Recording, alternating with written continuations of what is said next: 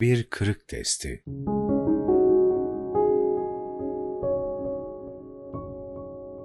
Tebliğde üslup problemi. Her mümin donanım ve kabiliyeti, imkan ve konumu ölçüsünde dinini anlatmakla yükümlüdür. Ancak Kur'an ve sünneti sati olarak bilmek, dini doğru anlatma adına tek başına yeterli olmuyor. Bu önemli misyonu eda etme adına yapılması gerekenler noktasında, başta çok iyi bir plan ve projenin olması, neyin nasıl yapılacağının daha baştan çok iyi belirlenmesi gerekiyor. Ne yazık ki günümüz Müslümanlarının birçoğu tebliğ ve irşatta doğru bir usul takip edemediklerinden insanları kendilerinden uzaklaştırıyor, hatta dinden nefret ettiriyorlar. Halbuki Efendimiz sallallahu aleyhi ve sellem müjdeleyin nefret ettirmeyin, kolaylaştırın zorlaştırmayın buyuruyor. Dinin meselelerini zor göstermemek, insanların nazarında onları yaşanmaz bir şey gibi lanse etmemek, kimseyi ürkütmemek ve dinden kaçırmamak çok önemli esaslardır. Dini mübini İslam, yüsür yani kolaylık üzere vaz edilmiştir. Fıtratları ve karakterleri gözetmeden, onu şiddetlendiren ve ağırlaştıran kimse, dinin ruhuna aykırı bir iş yapmış olur. Kolaylık üzere bina edilmiş ve müsamahaya dayalı gelmiş bu dini zorlaştırmamak ve ondan nefret ettirmemek, bilakis yaşanabilir olduğunu göstermek ve sevdirmek, Resul-i Ekrem Efendimizin sallallahu aleyhi ve sellem emridir. Halis mümin, insanları neyin kaçırıp neyin çekeceğini çok iyi hesaplamalı ve her zaman işi kolay tutarak, şefkat ve mülayemetle gönülleri kazanmaya çalışmalıdır. Dinden soğutanlar Maalesef günümüzde niceleri, kabalık ve sertlikleriyle insanlarla dinin arasına giriyorlar. Nerede ne söyleyeceklerini bilemediklerinden, kime karşı nasıl davranılması gerektiğini doğru tayin edemediklerinden, insanlarda dini değerlere karşı antipati uyarıyorlar. Müslümanların Allah Resulü'nün takip ettiği usulü yeterince iyi takip etmemeleri, meseleleri gerektiği kadar makul ve yumuşak bir üslupla sunmamaları, şimdiye kadar bize çok pahalıya mal oldu. Pek çok kimse bu yüzden dinden soğudu, mabetten uzaklaştı. Meselelerimizi balyozla kafalarına vuruyor gibi kabalık ve huşunetle arz ettiğimizden ötürü bizden ürktüler, kaçtılar. Yanlış usul ve üslubumuzla insanların ümitlerini kırdık. Hatalarını yüzlerine vurarak, onlara liyakatsiz olduklarını söyleyerek, dini onlara zor göstererek Allah'la kullarının arasına girdik. Çok basit hatalarımız yüzünden ağır faturalar ödemek zorunda kaldık. Şu tür ifadeleri hepimiz duymuşuzdur. Bir kere bayram namazına gittim gitmez olaydım. Veya nicelerinin imam yüzünden camiden uzaklaştığına şahit olmuşuzdur. Nice vaizler sözleriyle insanları kaçırmıştır. Demek ki baltayı taşa vuruyoruz.'' Kim bilir insanları dinden soğutan ne olumsuz şeyler konuşuyoruz.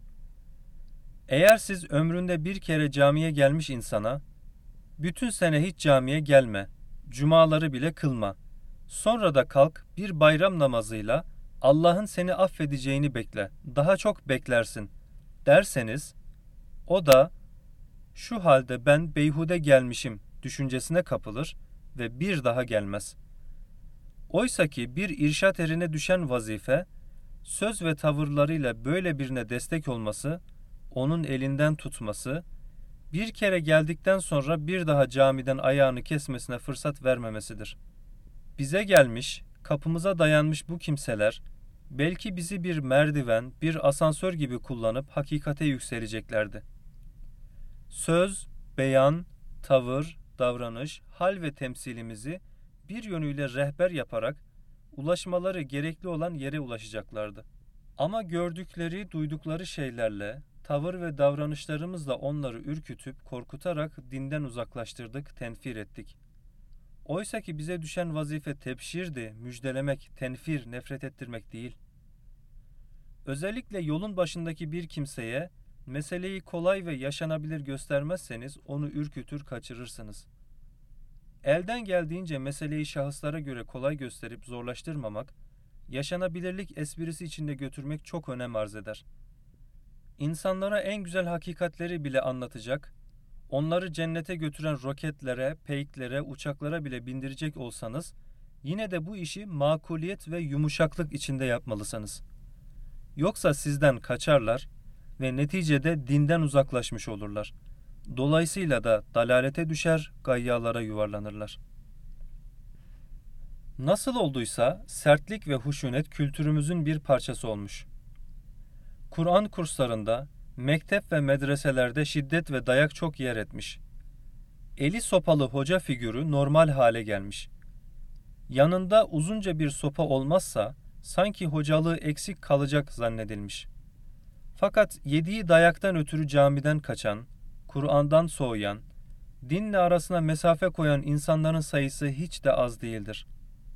Şahsen ben, tabiatım itibarıyla, şiddet ve hiddetten çok rahatsız olur, böyle bir muameleyle karşılaşacak olsam o gün dersime çalışmazdım. Aslında çoğu insan böyledir. Kimse ekşi surat görmeyi, hakarete uğramayı, şiddete maruz kalmayı istemez. Bu tür sertlikler insanı kaçırır. Fakat ne acıdır ki sopa cennetten çıkmıştır diyerek bir de dayağı kutsallaştırmışız. Ne işi var sopanın cennette? Sopa cennetin semtine bile uğramamıştır. Cennette sevgi vardır, kucaklama vardır, af ve merhamet vardır. Allah Celle Celaluhu cennette insanların içlerindeki her türlü gıllu kin ve nefreti, tasa ve hüznü silip atacaktır. Dolayısıyla bütün bunlar toplumun yanlış telakkileridir. Usul üslup hatalarıdır. Allah'la kullarının arasına girmedir. Neylersiniz ki bu yanlışların düzeltilmesi kolay değil. Dini sevdirmede nebevi yöntem. İrşad ve tebliğ dinde çok önemli bir esastır, peygamber mesleğidir. Bu yüzden tüm müminlerin bu konuda ellerinden geleni yapmaları gerekir. Fakat şunu unutmamak gerekir ki, tebliğ ve irşadı emreden din olduğu gibi, onun nasıl yapılacağını bize talim eden de odur. Kur'an'ın altın hakikatleri, Efendimizin nurefşen beyanları varken, onları bir kenara bırakarak, biz kendi heva ve hevesimize göre stratejiler oluşturamayız.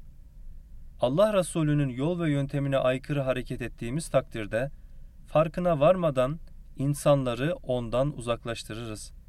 Niyetimiz her ne olursa olsun, üslubumuz bozuk, usulümüz yanlış olduğu sürece maksadımızın aksiyle tokat yeriz.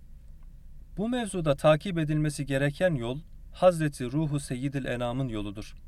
Nitekim o aleyhisselam hiç kimseyi küstürmeden, ürkütmeden, mükellefiyetleri 23 seneye yayarak, teker teker insanları rehabilite ederek, onları belki işin en ağırını bile bir gün seve seve, candan, yürekten yapabilecek hale getirdi. 23 sene onları rehabilite ede ede, terbiye ede ede, tedipten geçire geçire böyle bir kıvama ulaştırdı. O terbiye ile Ebu Bekirler, Ömerler, Osmanlar, Aliler, aşire-i mübeşşereler, sahabe-i kiramlar, hatta o insanların arkasında yerlerini alan tabi'in ifihamlar, tebe-i tabiinler yetiştirdi. Onlar öyle nebevi ahlakla ahlaklandılar ki, dinin en küçük meselesinden bile taviz vermez hale geldiler. Küfür sıfatlarına karşı sağlam tavır içinde dimdik durdular. Yeryüzünden Allah'ı inkarı silip, bütün gönüllerin Allah'la buluşması için ellerinden gelen her şeyi yaptılar ve neticede nicelerini hak ve hakikatle tanıştırdılar. Dolayısıyla tebliğ ve irşat alanında yaşanan problemin çözümü ancak Muhammedi yolla olur. Esasında Kur'an ve sünnette irşat adına kullanabileceğimiz o kadar çok malzeme ve argüman var ki, önemli olan bunlardan hangisinin kime hitaben kullanılacağını doğru tespit edebilmektir. Günümüzde bazı Müslümanlar bunu bilemediklerinden ve mevcut argümanları doğru yerde kullanamadıklarından dolayı dini değerlere karşı nefret duyulmasına sebep oluyorlar. Halbuki dinin her bir meselesinin imrendirici ve özendirici bir üslupla arz edilmesi çok önemlidir. Din her yönüyle mütekamil bir hüviyete sahiptir. Onda hiçbir eksik ve kusur söz konusu değildir. Burada bize düşen vazife, tebliğ ve irşad adına en uygun üslubu yakalamak, söz ve tavırlarımızla insanlara dinin güzelliklerini gösterebilmek, tabiri caizse dine karşı onların iştihasını kabartabilmektir. Hastalık yok, hasta var.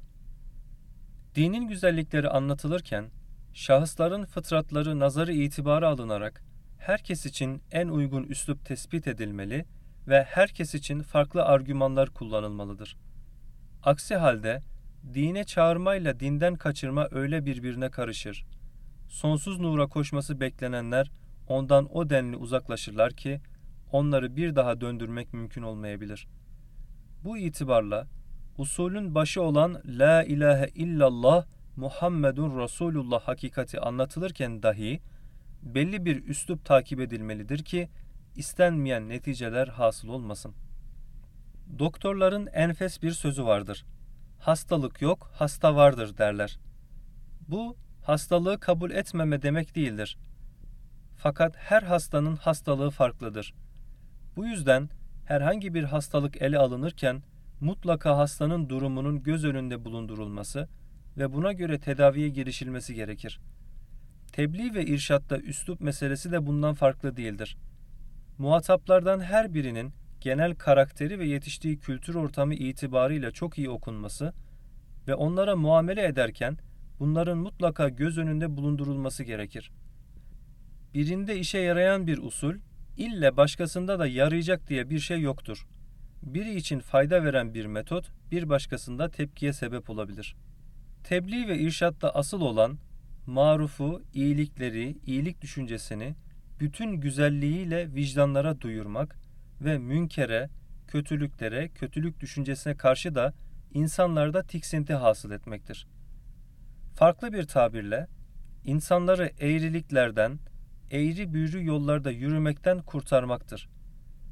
Eğer sizin söz ve tavırlarınız onların eğriliklerini düzeltmiyor, bilakis onlarda yeni eğrilikler hasıl ediyorsa, siz dine hizmet etmiyorsunuz, zarar veriyorsunuz demektir. Şayet birine sizin bir şey anlatmanız onda tepkiye sebep olacaksa, onu bir başkasıyla muhatap etmelisiniz. Bu yüzden Hazreti Pir, bir başkasına anlattırmak hoşunuza gitsin diyor. Sözlerimizde, tavır ve davranışlarımızda kimseyi küstürmeye, kaçırmaya hakkımız yok. Doğru olmak ve doğruyu bilmek çok önemli. Fakat doğrunun da doğru şekilde ifade edilmesi, hatta belki bazen söylenmemesi, vakti merhununun beklenmesi gerekebilir. Yine Hazreti Pir'in dediği gibi, insanın her söylediği doğru olmalı, fakat her doğruyu söylemek de doğru değildir. Maalesef çokları bu tür olumsuzlukların kurbanı oluyor.